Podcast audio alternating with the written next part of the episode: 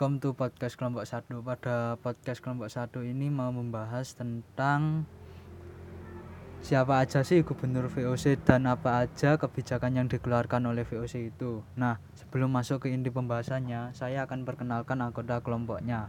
Ada lima orang, yaitu Afriza Effendi, Ananda Kunyapasa, Arif Yoga Prasetya, Cita Sari Amanda, dan Gary Putra. Nah, sekarang masuk ke inti pembahasannya bisa jelaskan siapa aja sih gubernur VOC itu dan apa dan berapa gubernur VOC itu?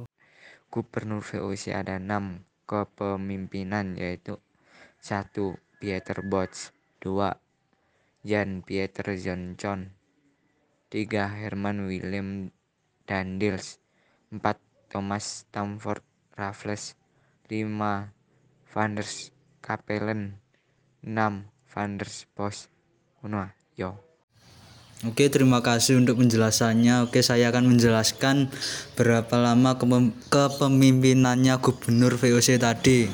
Satu Peter Bond dari tahun 1610 sampai 1614. Jan Peter John Cullen dari tahun 1619 sampai 1623 dan 1627 sampai 1629. Herman William Dain Daniels dari tahun 1808 sampai 1811 Thomas Von Raffles dari tahun 1811 sampai 1816 Van der Kapellen dari tahun 1816 sampai 1826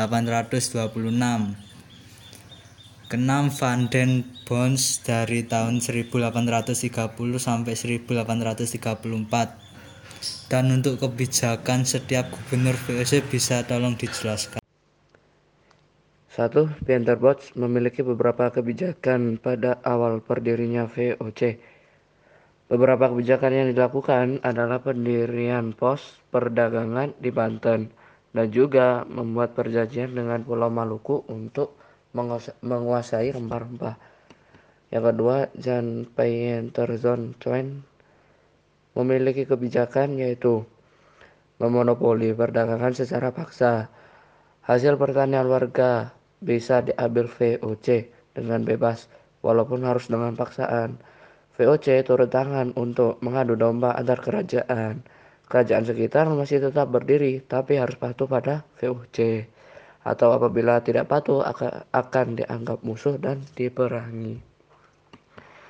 Nomor tiga, Herman William Yannes memiliki banyak kebijakan dan beberapa kebijakan yang telah dibuatnya, yaitu satu membuat jalan dari Anyer sampai Manarukan yang disebut dengan Jalan Raya Pos. Yang kedua membangun dermaga di Surabaya. Yang ketiga membangun pabrik senjata di Semarang untuk tujuan produksi senjata. Yang keempat membangun benteng di Jakarta serta Surabaya untuk pertahanan. 4. Thomas Stamford Raffles juga turut membuat beberapa kebijakan, yaitu yang pertama, bidang politik, membentuk Pulau Jawa menjadi enam keresidenan. Yang kedua, bidang ekonomi, mengenalkan mata uang, menghapus pajak hasil bumi dan sistem wajib. Yang ketiga, bidang sosial, menghapus kerja rodi yang dibuat di masa Dendils, menghapus. Yang kelima, Van der Kepelen memiliki kebijakan juga, yaitu memberikan kebebasan kepada kelompok swasta untuk menanamkan modalnya di Hindia dan Belanda, menghapus peran para pejabat lokal, menetapkan pajak untuk penduduk. Yang keenam dan yang terakhir, kebijakan dari Van, Van den Bosch yaitu Kulturstelsel atau sistem tanam paksa. Ia memaksa masyarakat Indonesia untuk menanam tanaman yang laku di dunia perdagangan internasional. Terima kasih. Nah itu tadi adalah pembahasan dari kelompok satu tentang siapa aja gubernur VOC dan kebijakannya yang dibuat di Indonesia. Oke, sekian podcast dari kelompok satu dan sampai ketemu lagi.